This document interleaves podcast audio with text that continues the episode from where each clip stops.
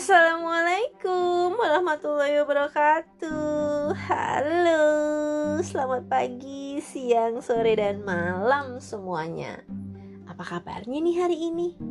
Insya Allah sehat semua ya. Hmm, ngomong-ngomong, sudah kenal belum sih sama ibu yang punya suara ini? Kita kenalan dulu ya. Nama ibu biasa kalau dipanggil di sekolah itu Bu Aska. Kalau nama aslinya sih, nama panjangnya Ibu Yati Aska. Setiap hari ibu mengajar di Sekolah Dasar Negeri Poris Gaga 6, Kota Tangerang, Provinsi Banten. Tapi jangan panggil ibu buas ya, karena ibu bukan binatang buas dan ibu juga nggak ngegigit loh. Janji deh.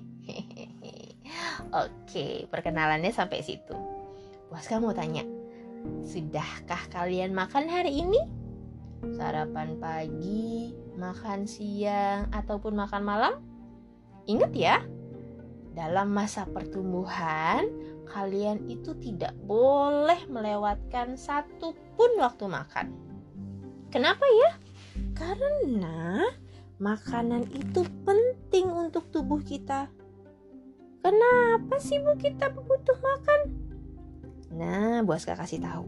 Salah satu ciri makhluk hidup itu adalah membutuhkan makanan. Masa iya sih kita manusia bukan makhluk hidup? Kalau bukan makhluk hidup, uh, serem ih.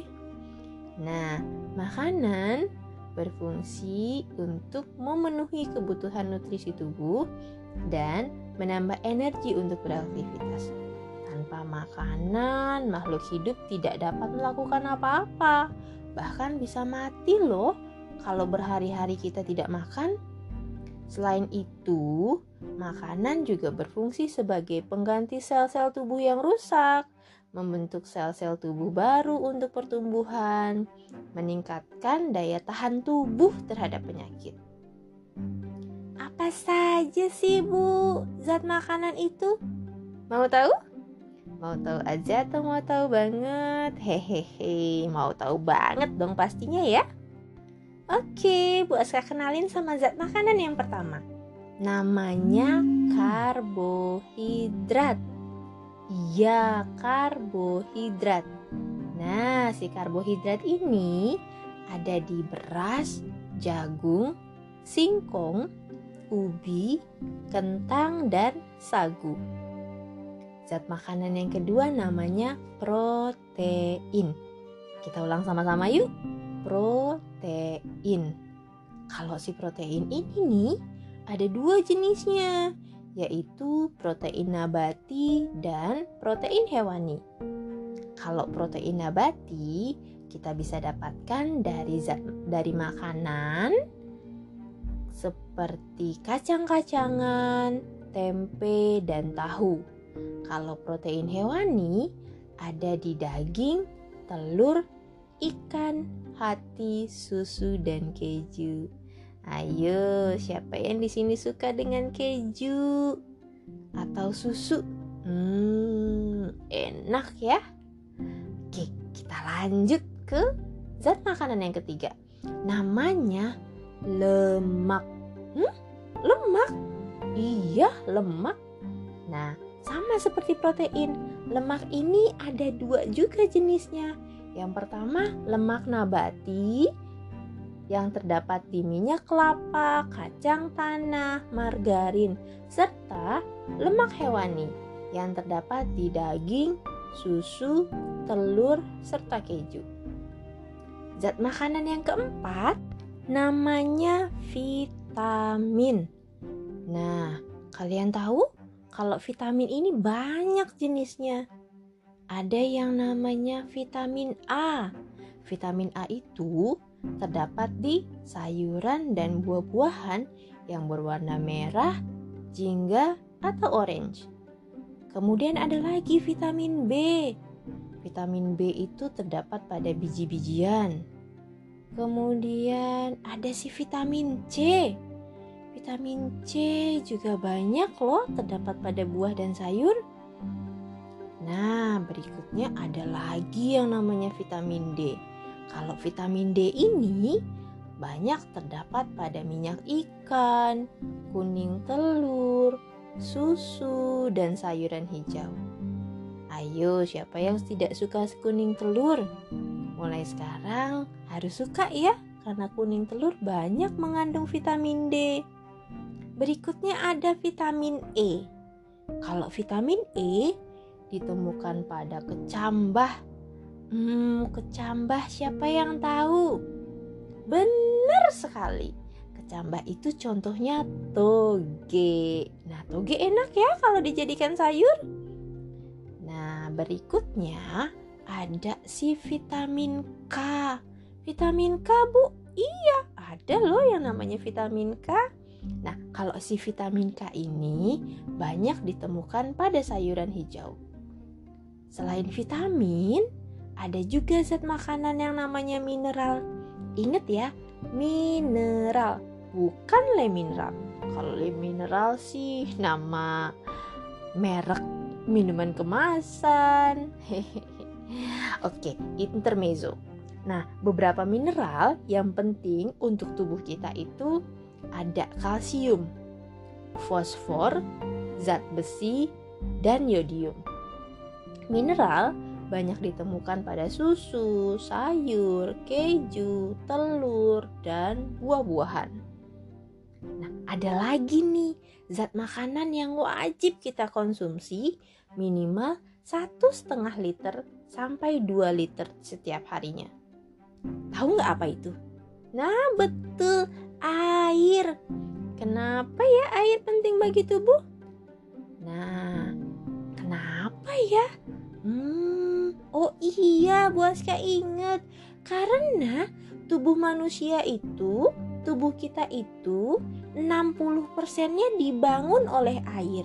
Sel-sel tubuh di kita itu mengandung air. Darah kita pun mengandung air yang namanya plasma darah. Nah, air fungsinya sebagai pengangkut nutrisi dan sisa metabolisme tubuh. Penting banget ya bu ternyata makanan itu. Hmm, pastinya dong. Apalagi kalau kita makan makanan sehat. Makanan itu harus sehat agar tubuh kita tidak mengalami berbagai macam penyakit. Penyakit karena makanan emang ada, Bu. Nah, kita lanjut di podcast berikutnya ya. Oke, agar lebih mengerti Bu Aska minta kalian mencari tahu apa saja sih fungsi zat makan yang tadi Bu Aska sebutkan. Kalian bisa mencatat fungsi tersebut di buku tulis kalian ya. Hmm, ngomong-ngomong suara Bu Aska udah mulai gak enak nih. Bu Aska haus. Tanda-tandanya tubuh Bu Aska memerlukan air. Kalau gitu sampai di sini dulu ya cerita kita tentang makanan. Sampai ketemu di podcast pelajaran selanjutnya. Bye bye. Assalamualaikum warahmatullahi wabarakatuh, anak pintar. Assalamualaikum warahmatullahi wabarakatuh Halo, selamat pagi, siang, sore, dan malam anak-anak pintar Berjumpa kembali dalam siniar pembelajaran bersama Bu Aska. Anak pintar, pernahkah kalian melihat sapi, kambing, atau kerbau yang mulutnya masih mengunyah walaupun tidak ada makanan di sekitarnya? Apakah kalian pernah mendengar istilah memamah biak? Ternyata sapi, kambing, kerbau, dikelompokkan ke dalam hewan memamah biak loh. Hmm, apa ya itu? Penasaran nggak? Oke, dengarkan penjelasan dari Bu Aska ya. Hewan memamah biak atau dalam istilah Latin dikenal sebagai ruminansia adalah sekelompok hewan pemakan tumbuhan yang mencerna makanannya dalam dua tahap, yaitu tahap menelan bahan mentah, kemudian mengeluarkan makanan yang sudah setengah dicerna dari perutnya dan mengunyahnya kembali. Kok bisa ya? Wah, ribet nggak sih? Nah, ternyata eh ternyata kelompok hewan ruminansia itu memiliki empat bagian lambung loh. Waduh, empat. Manusia saja cuma satu. Ternyata sapi, kambing, dan kerbau punya empat bagian lambung. Apa saja ya? Bagian lambung yang pertama bernama rumen atau perut besar. Rumen merupakan bagian lambung yang berfungsi sebagai gudang sementara. Jadi, ketika hewan ruminansia memakan rumput, rumput tersebut akan dikunyah kasar dalam mulut dengan bantuan air liur. Kemudian, melalui esofagus atau kerongkongan, makanan akan masuk ke dalam rumen dan disimpan sementara pada bagian rumen. Bagian lambung yang kedua bernama retikulum atau perut jala. Nah, saat ruminansia beristirahat, makanan yang berada pada rumen dibawa kembali ke mulut untuk dikunyah agar lebih halus. Setelah itu, makanan akan dimasukkan ke dalam retikulum. Di dalam retikulum terjadi proses pengadukan makanan dan fermentasi oleh bakteri. Setelah pengadukan makanan tersebut, makanan akan menjadi gumpalan kasar atau disebut dengan bolus yang akan didorong kembali menuju mulut untuk dikunyah kembali menjadi makanan yang lebih halus. Bagian lambung yang ketiga bernama omasum. Omasum atau perut kitab. Setelah bolus semakin halus, kemudian akan masuk ke dalam bagian perut yang bernama omasum. Di omasum ini terdapat kelenjar pencernaan loh yang menghasilkan enzim yang membantu proses penghalusan bolus. Nah, di omasum juga terjadi proses penyerapan air makanan. Proses berikutnya terjadi pada lambung bagian yang keempat yang bernama abomasum abomasum atau perut masam. Jadi, bolus yang sudah diserap kandungan airnya tadi setelah dimasukkan ke abomasum terjadi pencernaan secara mekanik dan kimiawi. Nah, kalau pencernaan secara kimiawi pastinya dibantu oleh enzim pencernaan. Setelah itu, makanan akan didorong keluar lambung menuju ke usus halus. Di usus halus terjadi penyerapan sari-sari makanan.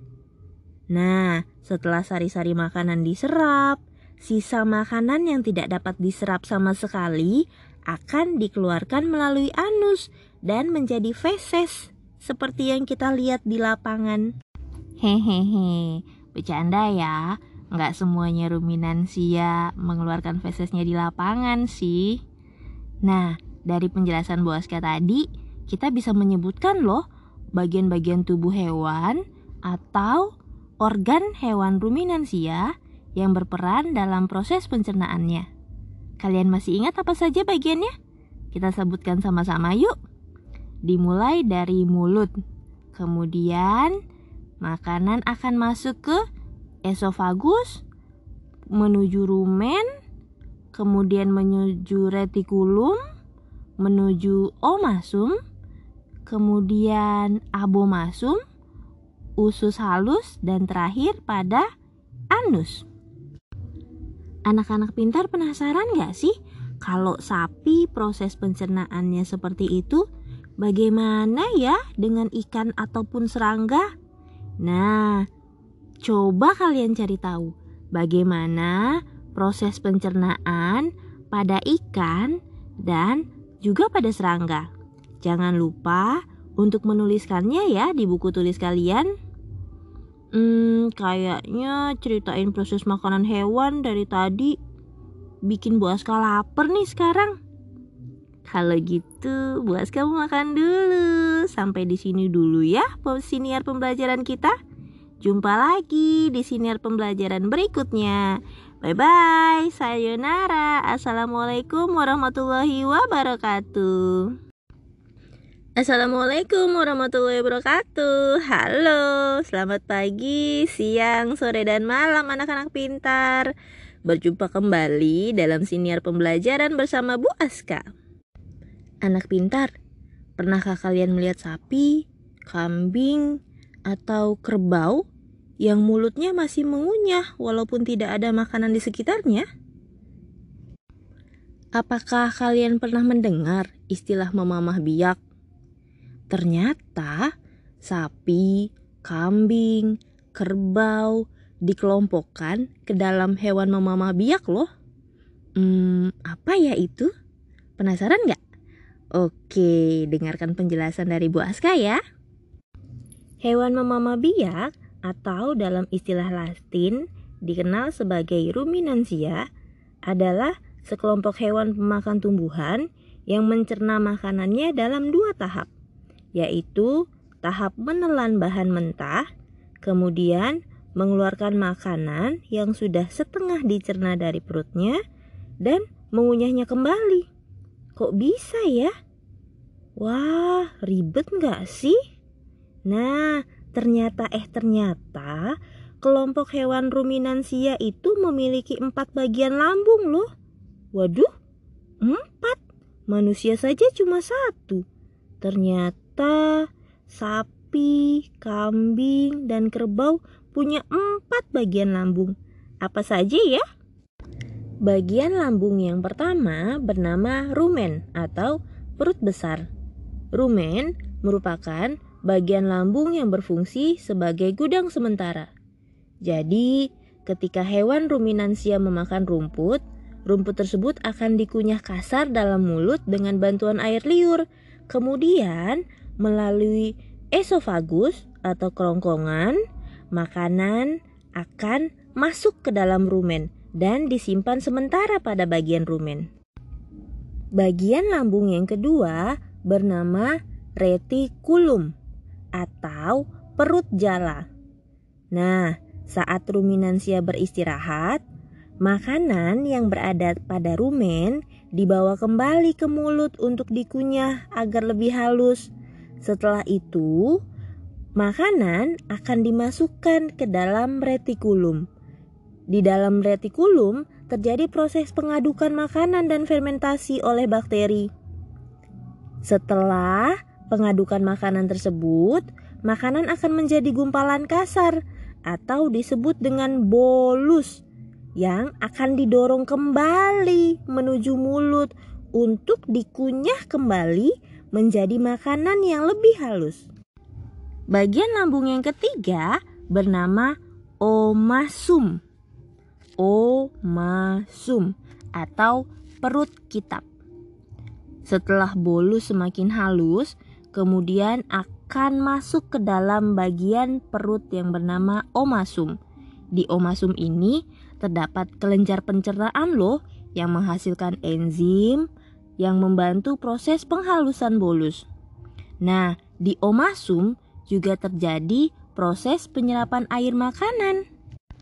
Proses berikutnya terjadi pada lambung bagian yang keempat yang bernama abomasum. Abomasum atau perut masam. Jadi, bolus yang sudah diserap kandungan airnya tadi setelah dimasukkan ke abomasum terjadi pencernaan secara mekanik dan kimiawi. Nah, kalau pencernaan secara kimiawi pastinya dibantu oleh enzim pencernaan. Setelah itu, makanan akan didorong keluar lambung menuju ke usus halus. Di usus halus terjadi penyerapan sari-sari makanan. Nah, setelah sari-sari makanan diserap, sisa makanan yang tidak dapat diserap sama sekali akan dikeluarkan melalui anus dan menjadi feses seperti yang kita lihat di lapangan. Hehehe, bercanda ya. Nggak semuanya ruminansia mengeluarkan fesesnya di lapangan sih.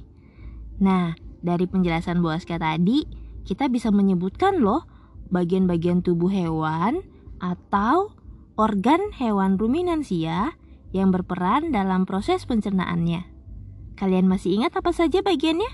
Kita sebutkan sama-sama yuk. Dimulai dari mulut. Kemudian makanan akan masuk ke esofagus, menuju rumen, kemudian menuju retikulum, menuju omasum, kemudian abomasum, usus halus, dan terakhir pada anus. Anak-anak pintar penasaran gak sih kalau sapi proses pencernaannya seperti itu? Bagaimana ya dengan ikan ataupun serangga? Nah, coba kalian cari tahu bagaimana proses pencernaan pada ikan dan juga pada serangga. Jangan lupa untuk menuliskannya ya di buku tulis kalian. Hmm, kayaknya ceritain proses makanan hewan dari tadi bikin Bu Aska lapar nih sekarang. Kalau gitu, Bu Aska mau makan dulu. Sampai di sini dulu ya siniar pembelajaran kita. Jumpa lagi di siniar pembelajaran berikutnya. Bye bye, sayonara. Assalamualaikum warahmatullahi wabarakatuh.